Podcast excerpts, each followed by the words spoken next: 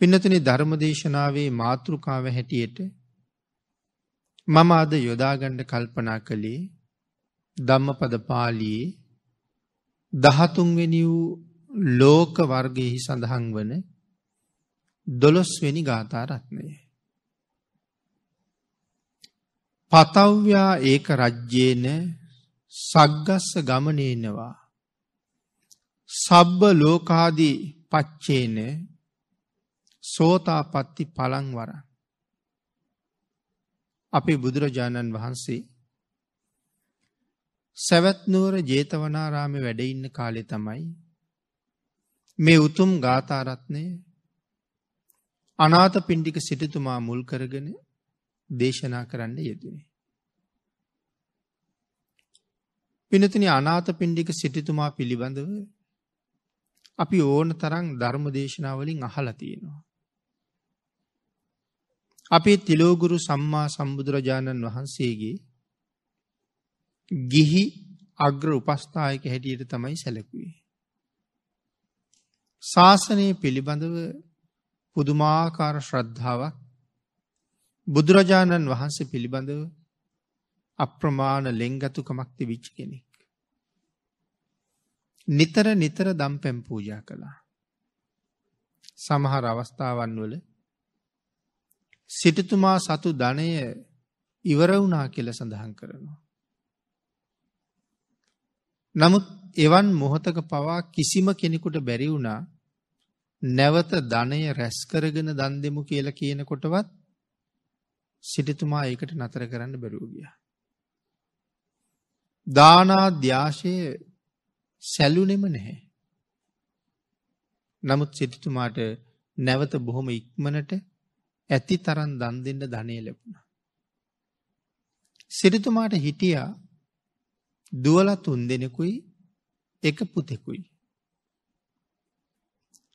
මහා සුබද්‍ර චූල සුබද්‍ර සුමන දුවල තුන් දෙෙන.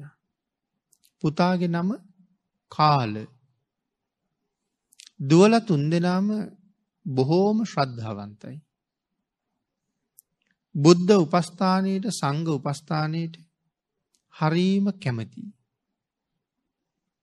මේ දූවරු නිරන්තරයෙන් තමන්ගේ නිවසදීත් ජේතවනාරාමේදීත් මහ පින්කං හරියට කරගත්තා.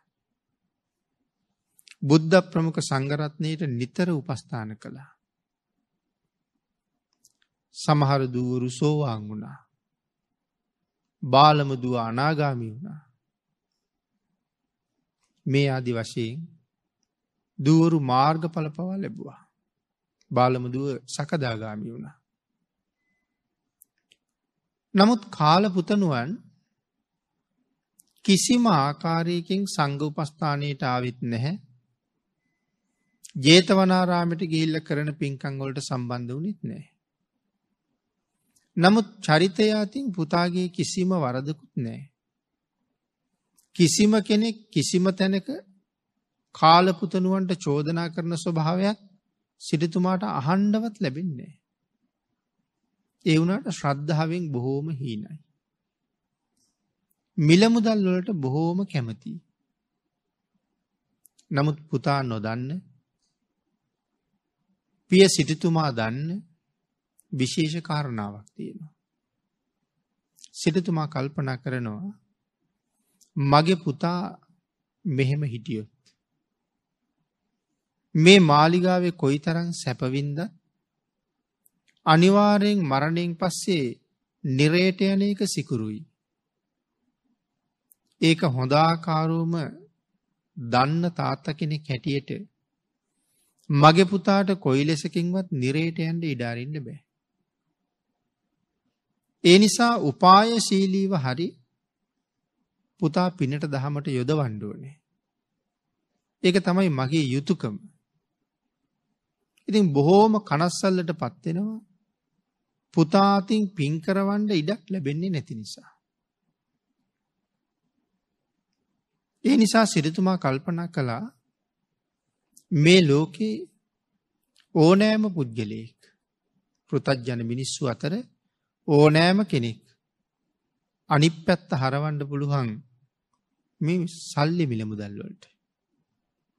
එහෙමනම් මට මේ මුදල් පාවිච්චි කරලා මගේ පුතා අනිත් පැත්ත හරවන්න බැරි වෙන එකක් නෑ. හරියට ඉවසලා බොහොම උපායශීලීව තමයි කටයුතු කරන්නේ. එක දවසක් පුතාට කතා කරලා කියනවා පුතේ ඔබ අද සිල් අරගෙන පන්සලට යන්න. ගිහිල්ලා පන්සලට වෙලා ඉන්න විහාරයට වෙලා. පහුවදාට ආවහම මං ඔබට මුදල් දෙනවා. දැන් පුතා මුදල් වලටත් හරි කැමතිනේ. ඒ නිසා පුතා අහනවා තාත්තේ මට දෙන මුදල් කෝ? ඊට පස්සේ මුදල් පෙන්නලා කිව්වා පුතේ මෙන්න මේ මුදල් ටික දෙනවා මම. හැබැයි සිල් අරගෙන පන්සලේ ඉඳලා එන්න ඕනේ. කාල කල්පනා කළා තාත්තා මුදල් දෙනවා නම් ඒකත් හොඳයි. ඒ නිසා සිල් සමාදන් වෙලා විහාරයට ගිහිල්ලා කල්පනා කළා බණ අහන්න ඕනේ නෑ. පහසුවෙන් ඉන්නවා හෙට උදේට මුදල් ලැබෙනවා. ආහාර පාන අරගත්තට පස්සේ සුදුසු තැනක් හොයාගෙන බොහෝම හොඳට නිදාගත්තා. පහුවදා උදේ එළි වුණාට පස්සේ නැවත නිවසට ආවා. ඒ වෙලාවේ සිටුතුමා තමන්ගේ ගෙදර අයට කතා කරලා කියනවා මගේ පුතා පූර්ණ උපෝසතයක් සමාදන් වෙලා විසි හතර පැයක් සිල් අරගෙන රාත්‍රිය නිරාහාරව ඉඳලා ගෙදර ඇවිල්ල ඉන්නේ. වහාම කැඳ සහ කැවිලිවර ගරන්ගෙන්ට පුතාට දෙන්න කියලා. මාලිගාවේ පිරිසත් ඒ විදිහට ගෙනල්ලා ඒ සියල්ලම සූදානන් කළා. නමුත් කාල කියනවා මම එක කැඳ උගුරක්වත් බොන්නේ නෑ. මට දෙනවා කියපු සල්ලිකෝ. ඒ මුදල් ටික ගෙනල්ල අතට දුන්නට පස්සේ තමයි මං කෑම බීම අරගන්න. පුතා වෙහෙසවන්ට සිටිතුමක් කොහොමත් කැමතිනේ. ඒ තරම්ම පුතාට ආදරී. ඒ නිසා තමන්ගේ පිරිසලව්ව මුදල් ගෙන්නවල පුතාට මුදල් දුන්න. මුදල් පසුම්බිය අතට අරගෙන තමයි ඔහු ආහාර ගත්තේ. නැවත දවසක සිටිතුමා කල්පනා කළා මෙහෙම හරි ඔහු විහාරය හිටියනි. දැම් මම තවත් උපක්‍රමයක් පාවිච්චි කරන්න ඕන මේක බොහෝම පරිස්සමට කරන්න ඉවසිල්ලෙන්. පුතාට කතා කරලා කියන පුතේ අදත් සිල් අරගෙන ජේතවනාරාමට යන්ඩෝනේ. මං ඔබට පෙරට වඩා මුදල් දෙනවා. හැබැයි අද ජේතවනාරාමට ගිහිල්ලා බුදුරජාණන් වහන්සේගෙන් බණ අහලා එක බණපදයක් මතක තියාගෙන ඇවිල්ලා ඒක මට කියලා දෙන්න ඕනේ. ඊට පස්සේ තමයි මුදල් දෙන්න කියලා. එහෙම පොරොන්දු කරවගෙන එදත් සිල් සමාදන් කරවල යව්වා. කාල විහාරයට ගිහිල්ලා බුදුරජාණන් වහන්සේ ධර්ම දේශනාව කරන්න සූදානන් වෙනකොට. ඉස්සරහින් ඇවිල්ල වාඩි වුණා. බනාහන්ඩ නෙමෙයි කාලවාඩි වෙන්නේ. එක බණ පදයක් විතරක් අහල මතක තියාගන්නට. දැන් තාත්තා එක බණ පදේන අහගෙන ඉන්න කිව්වේ. ඒක බුදුරජාණන් වහන්සේ දන්නවා. දන්න නිසා අදිෂ්ඨාන කළා කාල අහන හැම බණපදයක්ම කාලට අමතක වෙන්න ඕන කියලා. අපේ භාගිතුන් වහන්සේ ධර්ම දේශනාව ආරම්භ කළා කාල පළවෙනි බණපදේ මතක තියාගන්න බොහොම සැදී පැහැදී සූදානම් වෙලා හිටියේ. හොඳට අහගත්තා ඒ බණපදේ. නමුත් භාග්‍යතුන් වහන්සේ ඒ දේශනාව විවර කරනකොට කාලට ඒ ටික මතක නැහැ. ඊළඟ වචනය අල්ලගන්න කාල බොහෝම මහසි වුණා. හොඳට මතකයි. නමුත් නැවතේ අමතකයි. මේ විදිහට මුළු දේශනාවම ඉතාම වුවමනාවෙන් ඇහුවා. මනාව ශ්‍රවණය කළා. නමුත් පිනතනි කාලට එක බණපදයක්වත් මතක හිටින්නේ. ඒ වුණාට මුළු දේශනාවම වචනයක් වචනයක් ගානේ අහන නිසා ධර්මී සඳහන් කළෙත් එහෙමනි බණ අහනකොට වචනයක් වචනයක් ගානය හන්ඩුවනි. වචසා පරිචිතා. එක වචනයක්වත් මගාරවන් නැතුව හන්ඩුවනි. ඒක තියෙන පුදුමාකාර ලාභය. අපේ ජීවිතේ වෙනස් කරන්න පුළුවන් එකම සාධකය තමයි ධර්මය. ජීවිතය වෙනස් කරන්න පුළුවන් කාරණා මේ ලෝකෙ තව හුඟක් තියෙනවා. නමුත් මුළු සංසාරෙත් එක්කම වෙනස් කරන්න පුළුවන් වෙන්නේ ධර්මයට. ඔබේ මගේ ජීවිතය වෙනස් කරන අපි නිවනට යොමු කරන සුවිශේෂී වූ මග ඒ උතුම් බණපදය මේ අසූහාර දාහක් ධර්මස්කන්දය ඇතුළි තියෙනවා. තව විදිහකට සඳහන් කළොත් ඔබෙත් මගෙත් අර්හත්වය සඳහා හේතුවෙන. කාරණාව ඔය අසූහාරදාහක් ධර්මස්කන්දය තුළ තියෙනවා. නමුත් පින්නතුනී ඒක මොන සූත්‍රයේද තියෙන්නේ. ඒක මොන දේශනාවෙද තියෙන්නේ. කියන කාරණාව අපි කවුරුවත් දන්නේ අපි කවුරුවත් දන්නේ නෑ. අන්න ඒක නිසා තමයි වචනයක් වචනයක් ගානය අහන්ඩ කියල කියන්න. එහෙම අහගෙන යනකොට මගේ සසර වෙනස් කරන බණපදේ මට හම්බයි. සමහර කෙනෙක් කියල කියන්නේ. අහවල් දේශනාව ඇහුවට පස්සේ මගේ ජීවිතයේ බොහෝ දේවල් වෙනස් වුනා කියලා. මොකද අපට හොඳට දැනෙන කරුණු ඔය දේශනාවල් අතරි තියෙනවා. ඉතින් නොයෙක් වැඩ කර කර බණහනකොට තවායත් එක කතා කර කර බණහනකොට එහෙම නැත්තන් ගෙදර ධර්ම දේශනාව විකාශනය වෙනවා. අපි අපේ වැඩ කරනවා. අපි බණ අහනව නෙමෙයි. එතකොට අපිට බණ ඇහෙනවා. එහෙම අහල මේ කාරණාවට එන්න බෑ. වචනයක් වචනයක් ගානය අහන්ඩ කියල කියන්න. දැන් කාල මේ ධර්මකාරණාවක් මතක තියාගණ්ඩ වචනයක් වචනයක් ගානෙ මහනවා. අන්න එහෙම අහන කෙනෙකුට ඒ දේශනාව අතරම පින්නතුනී අති උතුම් සෝවාන් ඵලය පවා ලැබෙන්න පුළුවන්. අපේ ශාසනයේ වැඩි පිරිසක් සසරින් එතර වෙලා තියෙන්නේ බණ අහලා කියලා සඳහන් කරන්නේ.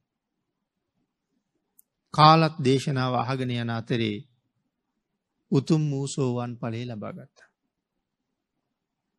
ධර්ම දේශනාව නිමා වුණා පහුවදාට එළි වුණා බුද්ධ ප්‍රමුඛ මහා සංඝරත්නය අනාථ පින්ඩික සිටුතුමාගේ මාලිගාවට දානට වැඩිය.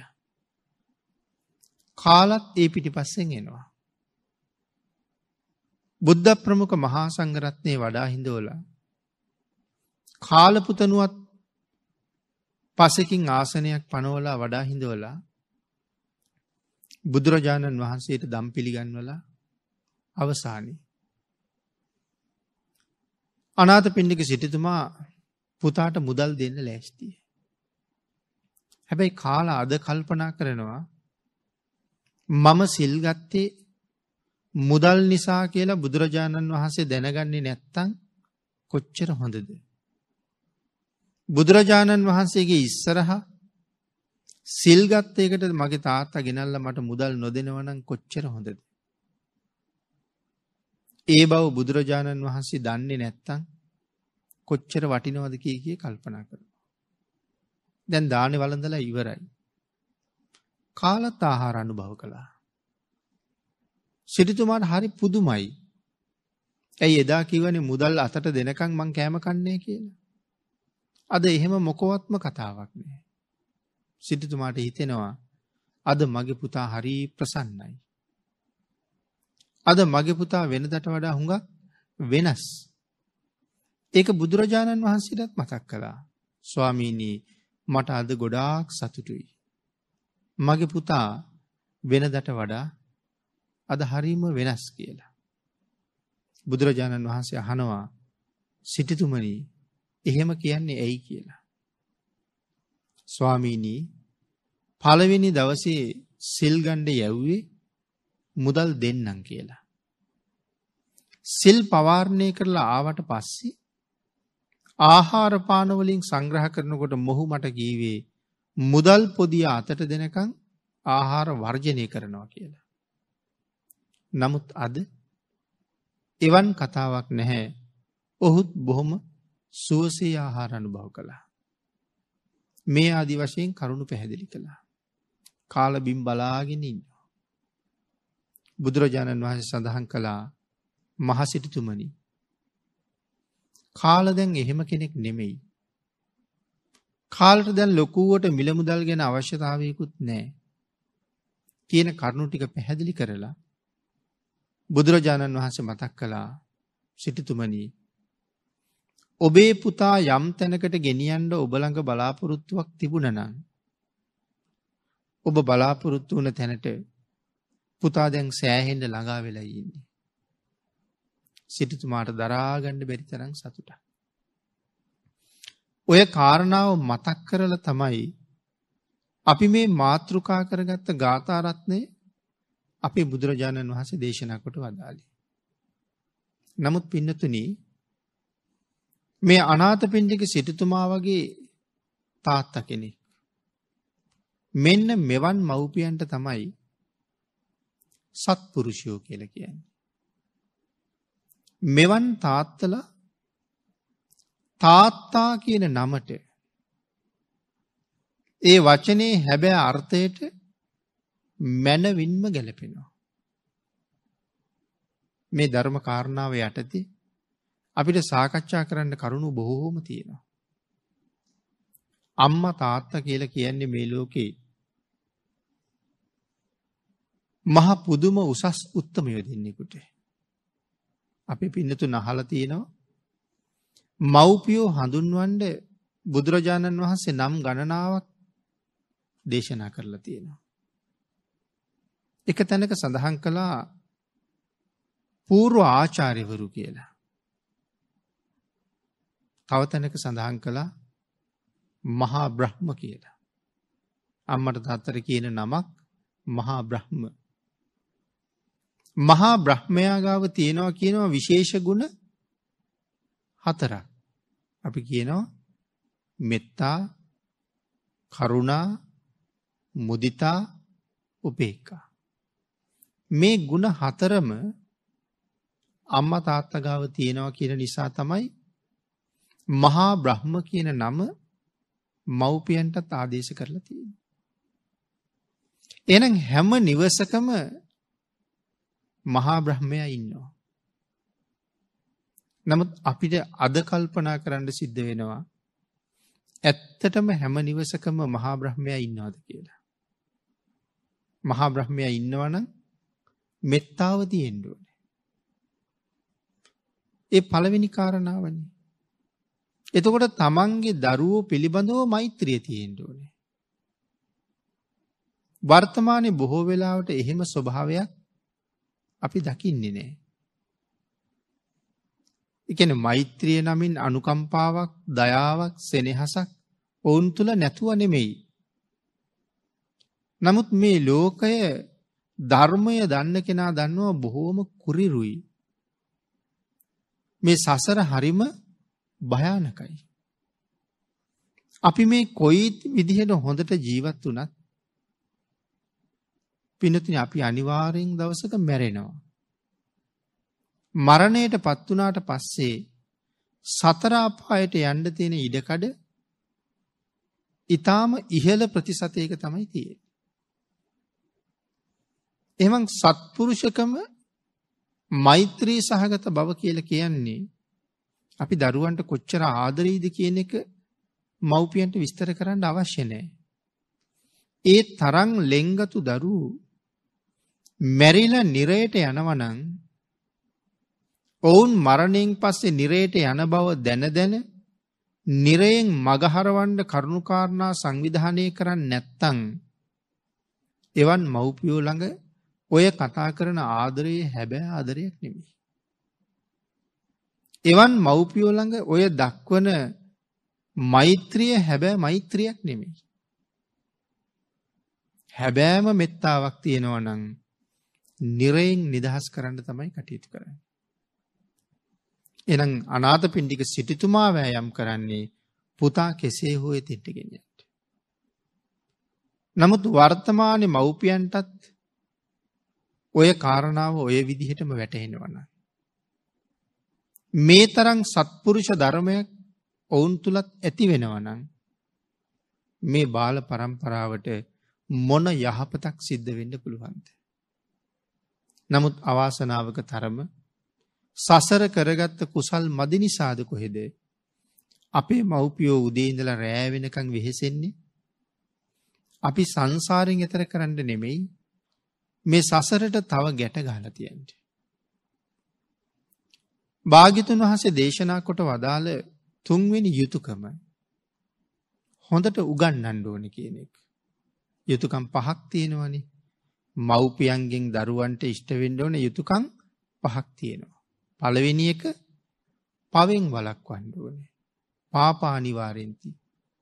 දෙවනියක කල්්‍යයානයේ නිවේසින්ති. කල්්‍යයාන මිත්‍රයන් ඇසුරු කරවන්න ඕනේ.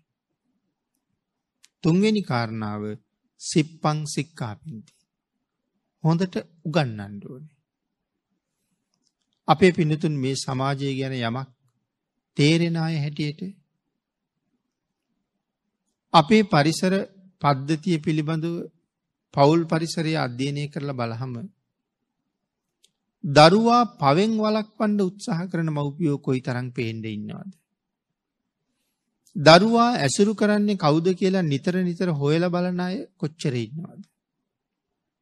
කියන කාරණාව තීරණය කරන්න පුළුවන්. නමුත් අපිට හොඳට පේනවා මෙ තුන්වෙනි යුතුකම සම්පූර්ණ කරන්න රෑ දවල් නැතුව මහන්සිවෙනවා. හොඳට උගන්නන්ට.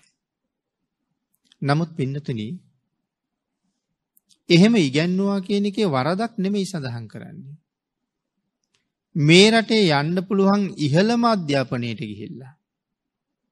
විදේශගත වෙලත් අධ්‍යාපනයක් ලැබුවත් වැඩක් නැහැනි මරණයෙන් පස්සේ නතර වෙන්නේ නිරේන.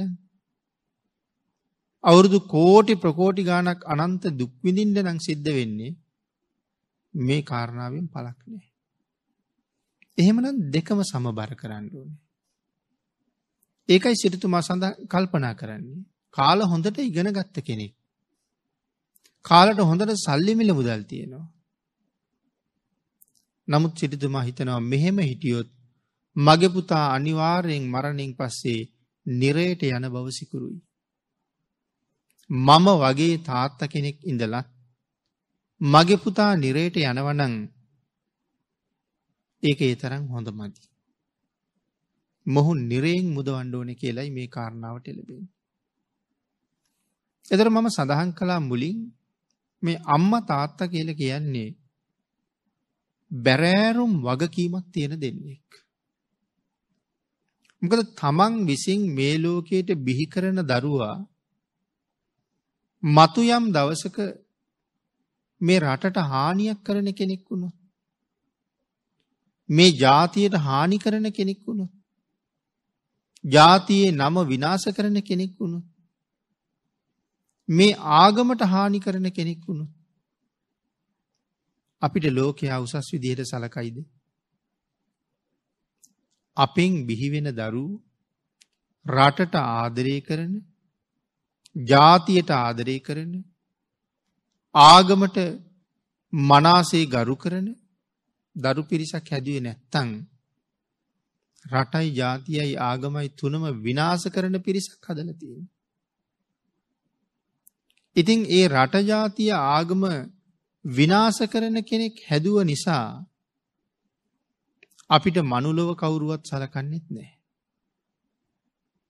ආර්යන් වහන්සේලගේ අනුකම්පාවත් අපි කෙරෙහි පිහිටන්නේ පිහිටන්නේ නෑ.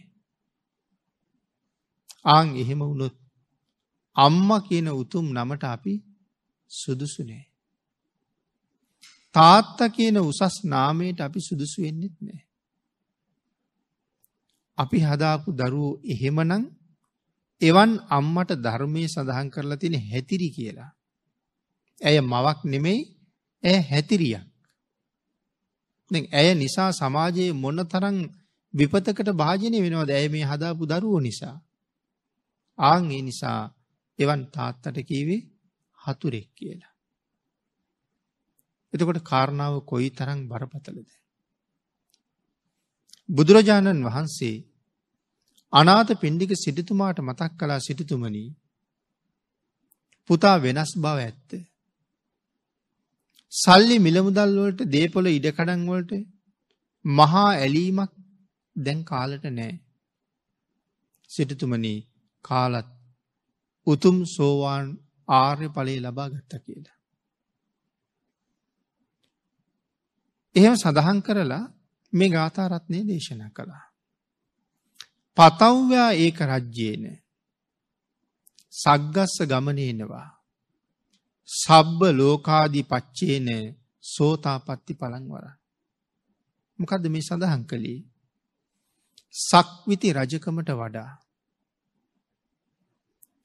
සබ්බස්ස සග්ගස්ස ගමනේනවා ස්වර්ග ගමනට වඩා නැතන් දෙව්ලොව ඉපදීමට වඩා.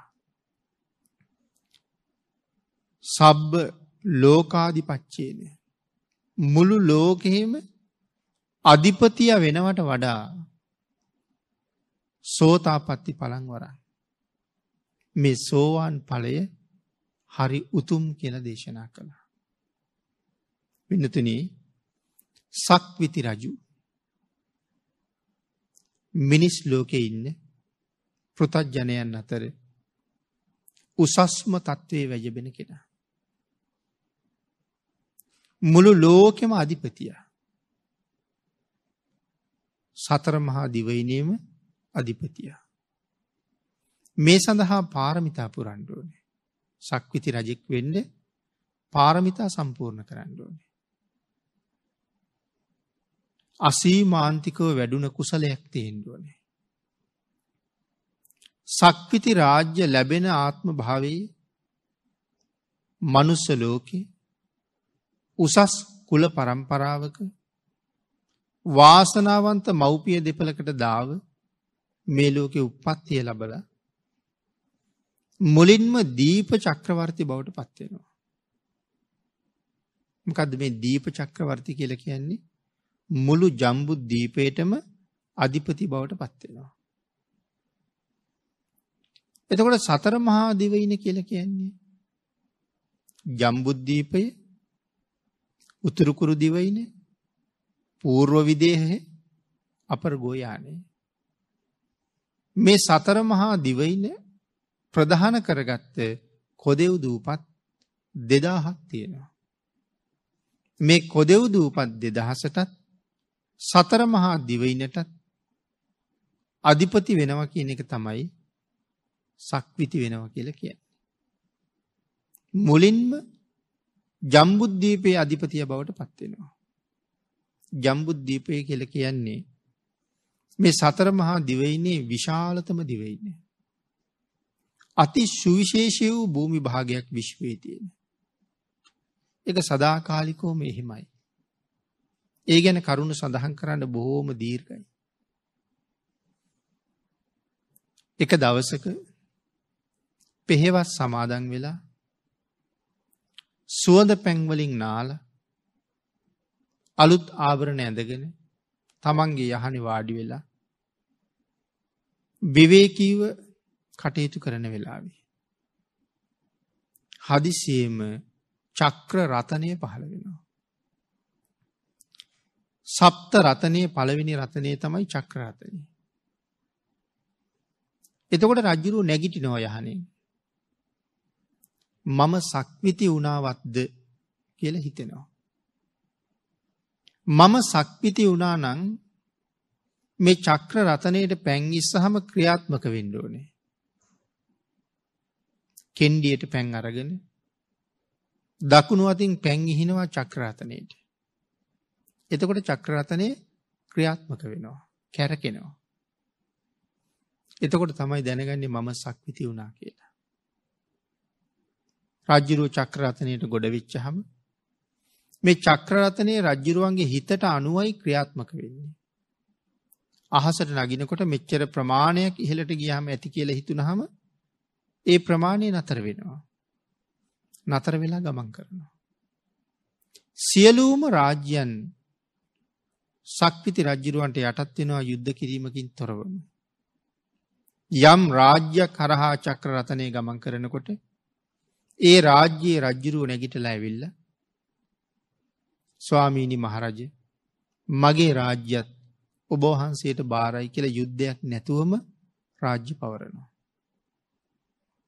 සක්විති රජ්ජුරු ඒලාවට කියන්නේ ඔබේ රාජ්‍ය ඔබම තියාගන්ට. ඔබ තමයි මේ රාජ්‍ය රජු හැබැයි නීති පහක් තියෙනවා ඒ නීති පහ කඩ කරන්නේ නැතුව රාජ්‍ය කරන්නඩුවට. මොකද නීති පහ පන්සිල් උල්ලංඝනය කරන්න එපා. පන්සිල් උල්ලංඝනය නොකර ඔබේ රාජ්‍ය ඔබම කරගෙන යන්ට. එහෙම උපදෙස් දෙනවා. යම් තැනක රජ්ජුරුවන්ට හිමි තැන තියෙනවනං චක්‍රරතනය එතන පාත් වෙලා එතන සක්විති රජ්ජුරුව නතර වෙන තැන.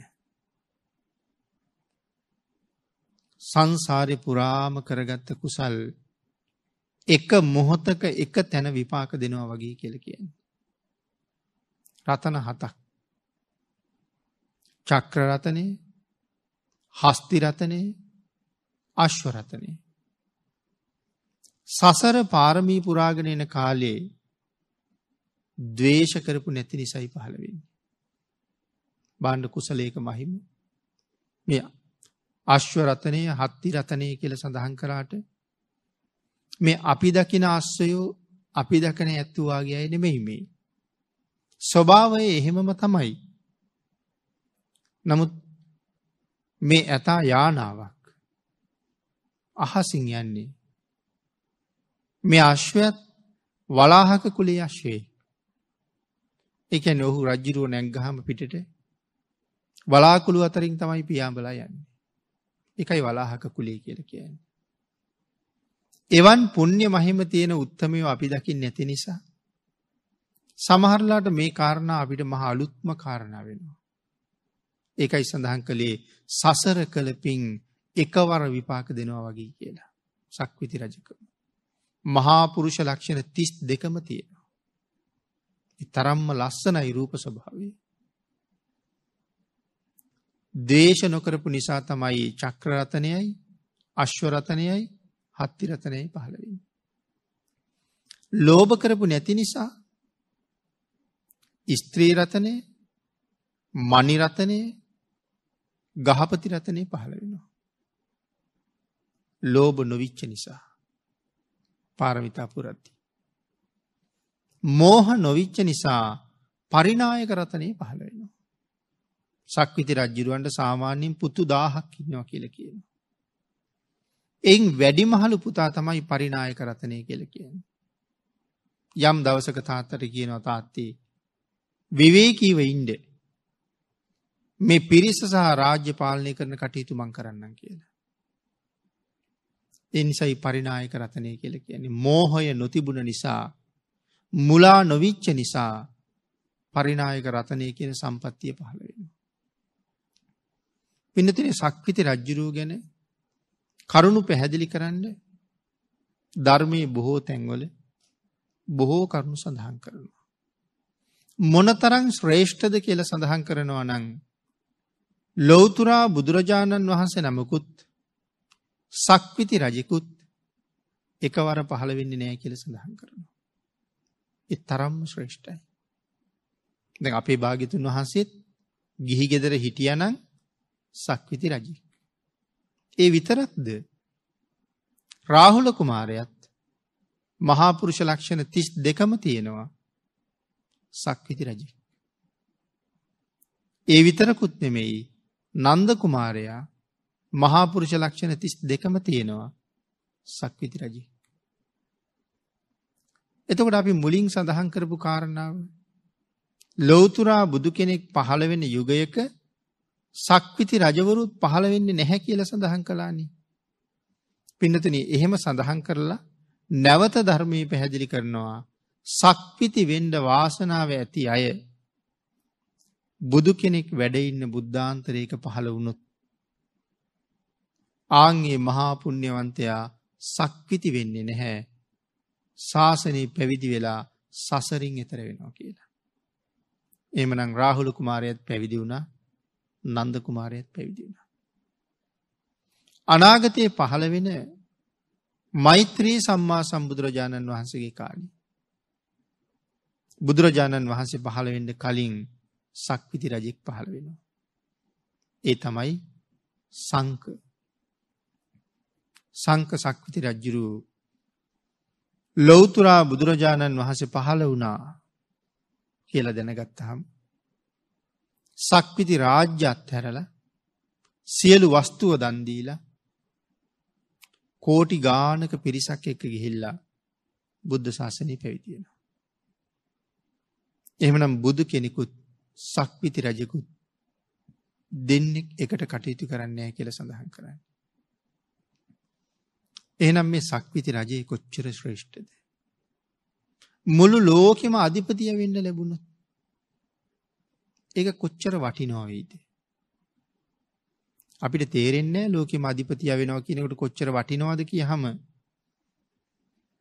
නමුත් පිනතින කල්පනා කරන්නට මුළු ලෝකෙම පාලකය තමන් වුණොත්. තමන් මොනතරං ප්‍රතාපවත් වෙනවාද කියලා. ඊට වඩා කොච්චර උතුම්ද දෙව්ලොව උපදින්න ලැබෙනවන. බඹලොව උපදින්න ලැබෙනවන. දෙව් සැපයයි සක්විති සැපයයි කොච්චරද කියලා භාගිතුන් වහන්සේගෙන් අහපු හම හිමාල පර්වතය තමයි පෙන්වෙන. හිමාලයේ පාමුල තියෙන චූටි ගල් කැටයක් භාගිතුන් වහස පෙන්නලා දේශනා කරනවා මහනෙනී. දෙව් සැපයත් එක්ක සංසන්ධනය කරනකොට සක්විති සැපේ මෙන්න මේ පුංචි ගල් කැටිවගේ.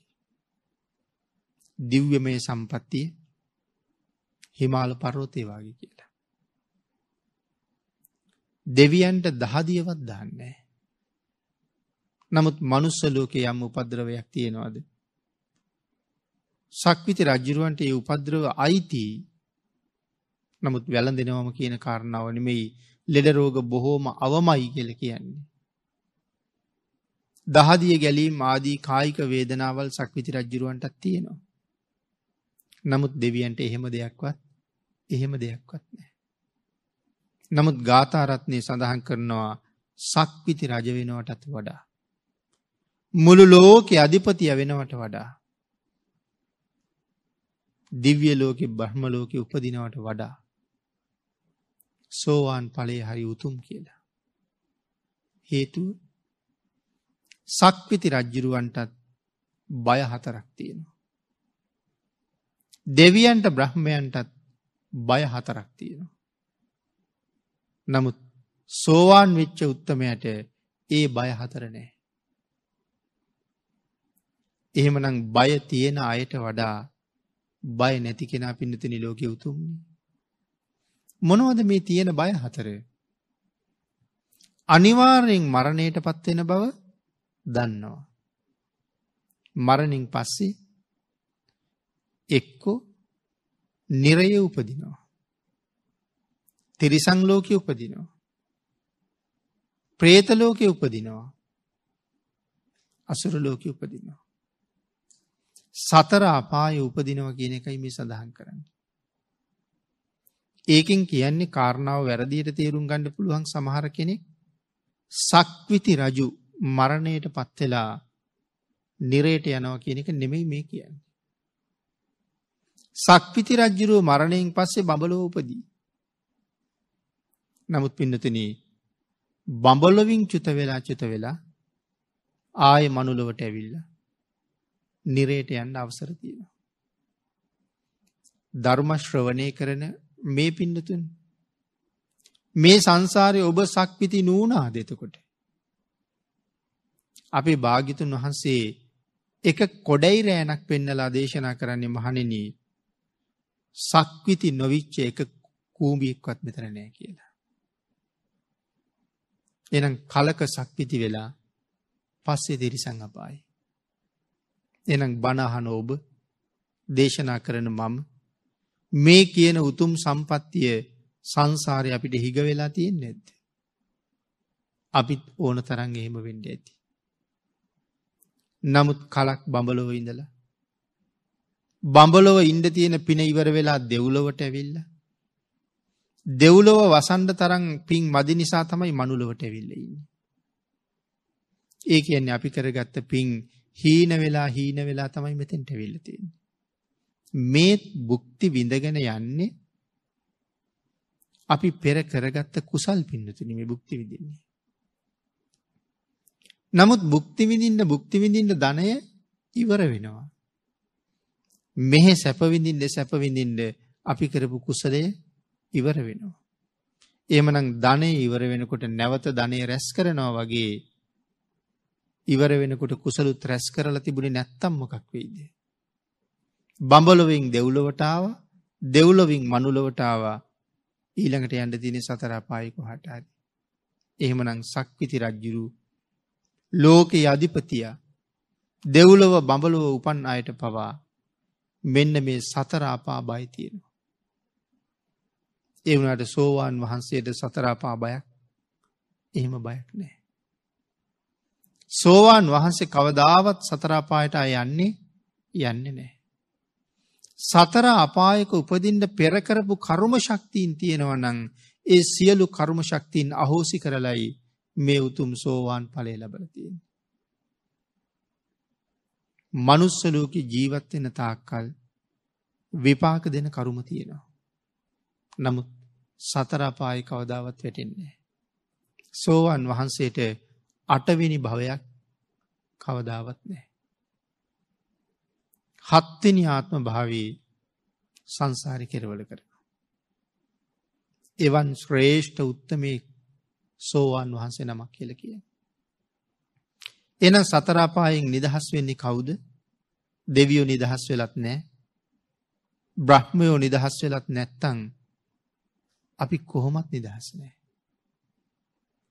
භාගිතුන් වහස දේශනා කළේ සසර බොහෝම භයානකයි. මහනෙන හැකි තරම් සංසාරෙන් එතර යන්න වීරිය වඩන්න කියලා. ඒකැනෙ සෝවාන්වෙන්ඩ වීරිය වඩන්න කියලද. අපේ ත්‍රිපිටකේ කිසිම තැනක දේශනා කරලා නෑ සෝවාන් වෙන්ඩ උත්සාහ කරන්න කියලා. එන මොකක් කර ගණ්ඩ උත්සාහ කරන්නද කියලා දේශනා කරන්න. රහත් එන්න වීරිය වඩන්න කියලා. යම් කෙනෙක් මේ ජීවිතයෙන්ම රහත්වෙනවා කියලා උත්සාහ කළොත් සෝවාන්වත් වෙන්න පුළුව. උදාහරණයක් සඳහන් කළු. ඉගෙන ගන්න දරුවෙක් විභාගයට බී තුනක් ගන්නව කියලා උත්සාහ කළුත් එයාට බී තුනක්ම ලැබෙන එකක් නෑ. හැබැයි ඒ තුනක්ම ගන්නවා කියලා මහන්සි වුණොත් බී තුනක්වත් හම්බෙන්ඩ පුළුවන්. ඒ නිසා උත්සාහ කරන්න ඕනේ රහත්තෙන්ඩමයි. එහෙම කටයුතු කරන කෙනාට සෝවාන් වෙන්නවත් පුළුව. ඒකයි මම සඳහන් කළේ සෝවාන් වෙන්ඩ උත්සාහ කරන්න කියල කොතනවත් භාගිතුන් වහස දේශනා කරන්නේ දේශනා කරන්නේ නැත්තේ එකයි. යම් කෙනෙක් සෝවාන් වනොත් කොහොමද දැනගන්නේ තමන් සෝවාන් වුණා කියලා. අහගණ්ඩ වීදකාගෙන් හරි. වර්තමානය නම් එහෙම තැනුත් දකිනවා. ආචාර්යවරයට ගිහිල්ල කියනවා මට මෙහෙම මෙහෙම දැනුන මෙහෙම වුණා. එතකොට ආචාර්යවරය තමයි තේරුම් තේරුම් කරන්නේ ඔබ දැන් සෝවාන් වෙලා ඉන්න කියලා. හැබැයි ඒක බුද්ධාගම නෙමෙයි. තමන් සෝවාන් වුණොත් ඒ උතුම් තැනට ආව කියලා තමන්ම තමයි දැනගන්නේ. ආං ඒක දැනගණ්ඩ ප්‍රත්‍යවේක්ෂාඥාන පහක් ඔහුට පහළ වෙනවා කියල ධර්මය සඳහන් කරනවා. මොනවද මේ ප්‍රතිවේක්ෂාඥාන පහ. උතුම් වූ නැත්තං තමන් මේ වෙනකොට කොච්චර සංයෝජන ප්‍රමාණයක් ප්‍රහීන කරලා ඉවරද සංයෝජන දහයක් තියෙනවනේ දස සංයෝජන කියලා. සංයෝජන දහයම නැති කරහම තමයි රහත්වෙන්නේ. සෝවාන් වෙන්නේ සංයෝජන තුනක් නැති කරහම. සක්කාය දිට්ටි විතිකිච්ඡා සීලබ්බත පරාමාස. එනම් ඉස්සරලම දැනගන්නවා මම මේ සංයෝජන තුනම දැන් නැති කරලා ඉන්න කියලා. ඒ කියන්නේ ප්‍රහීණය කළ කෙලෙස් දන්නවා. නමුත් තව නැති කරන්න කෙලෙස් හතක් සංයෝජන හතක් තියෙනවා. මෙච්චරක් තව නැති කරන්න තියෙනව කියලා දැනගන්නවා. මට දැන් සෝවාන් මාර්ගසිත පහළ වුණා කියලා දැනගන්නවා මට දැන් සෝවාන් ඵලසිත පහළ වුණා කියලාත් දැනගන්නවා ඊළඟට නිවන මොකක්ද කියලා දැනගන්නවා නිවන් දකිත්වා කියලා කීවට ඔබවත් මමවත් තවම නිවන ගැන දන්නේ දන්නේ නැහැ නිවන මෙන්න මෙහෙමයි කියලා විස්තර කරන්න අපට තේරෙන්නෙත් නැහැ හේතුව අපි තාම නිවන ස්පර්ශ කරලා නැති හින්දා. නමුත් සෝවන් වහන්සේ නිවන කියන්නේ මොකක්ද කියලා හොඳටම දන්නවා. එහෙමනම් අපිට තේරුම් ගන්න තියෙන්නේ මේ ලෝකේ තියෙන උතුම්ම සැපය නිවන් සැපයයි කියලා භාග්‍යතුන් වහන්සේ දේශනා කළා. සක්විති රජවරු නිවන් හොයාගෙන පැවිදි වෙනවා.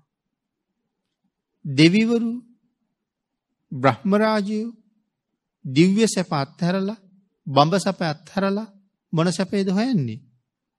නිවන් සැපේ එනම් සක්විති සැපේට වඩා උසස් දෙව් සැපේට වඩා උසස් බඹ සැපේට වඩා උසස් නිසයි මේ හැමෝම නිවන් සැප හොයන්නේ. ඒ කාරණාවෙන් විතරයි නිවන ගැන අපිට කතා කරන්න පුළුවන් සෝවාන් වහන්සේ නිරයෙන් නිදහස් කියලා සඳහන් කළා පුංචි අවසරයක් අපිට භාගිතුන් වහස ඊට මෙහා දුන්නා. යමෙකුට පුළුහන්නන් හරියටම බුදුන් සරණයන්ඩ ඔහුත් මේ ජීවිතයෙන් නිරේට යන්නේ නෑ. අපට සෝවාන් වෙන්ඩ බැරිවුණොත් රැකවරණය හදාගණ්ඩ තියෙන එකමත් යන. උත්සාහ කරමු ශ්‍රේෂ්ඨ මනුස්ස ජීවිතයක් උතුම් බුද්ධාන්තරයක ලැබිල තියෙන වෙලාවි.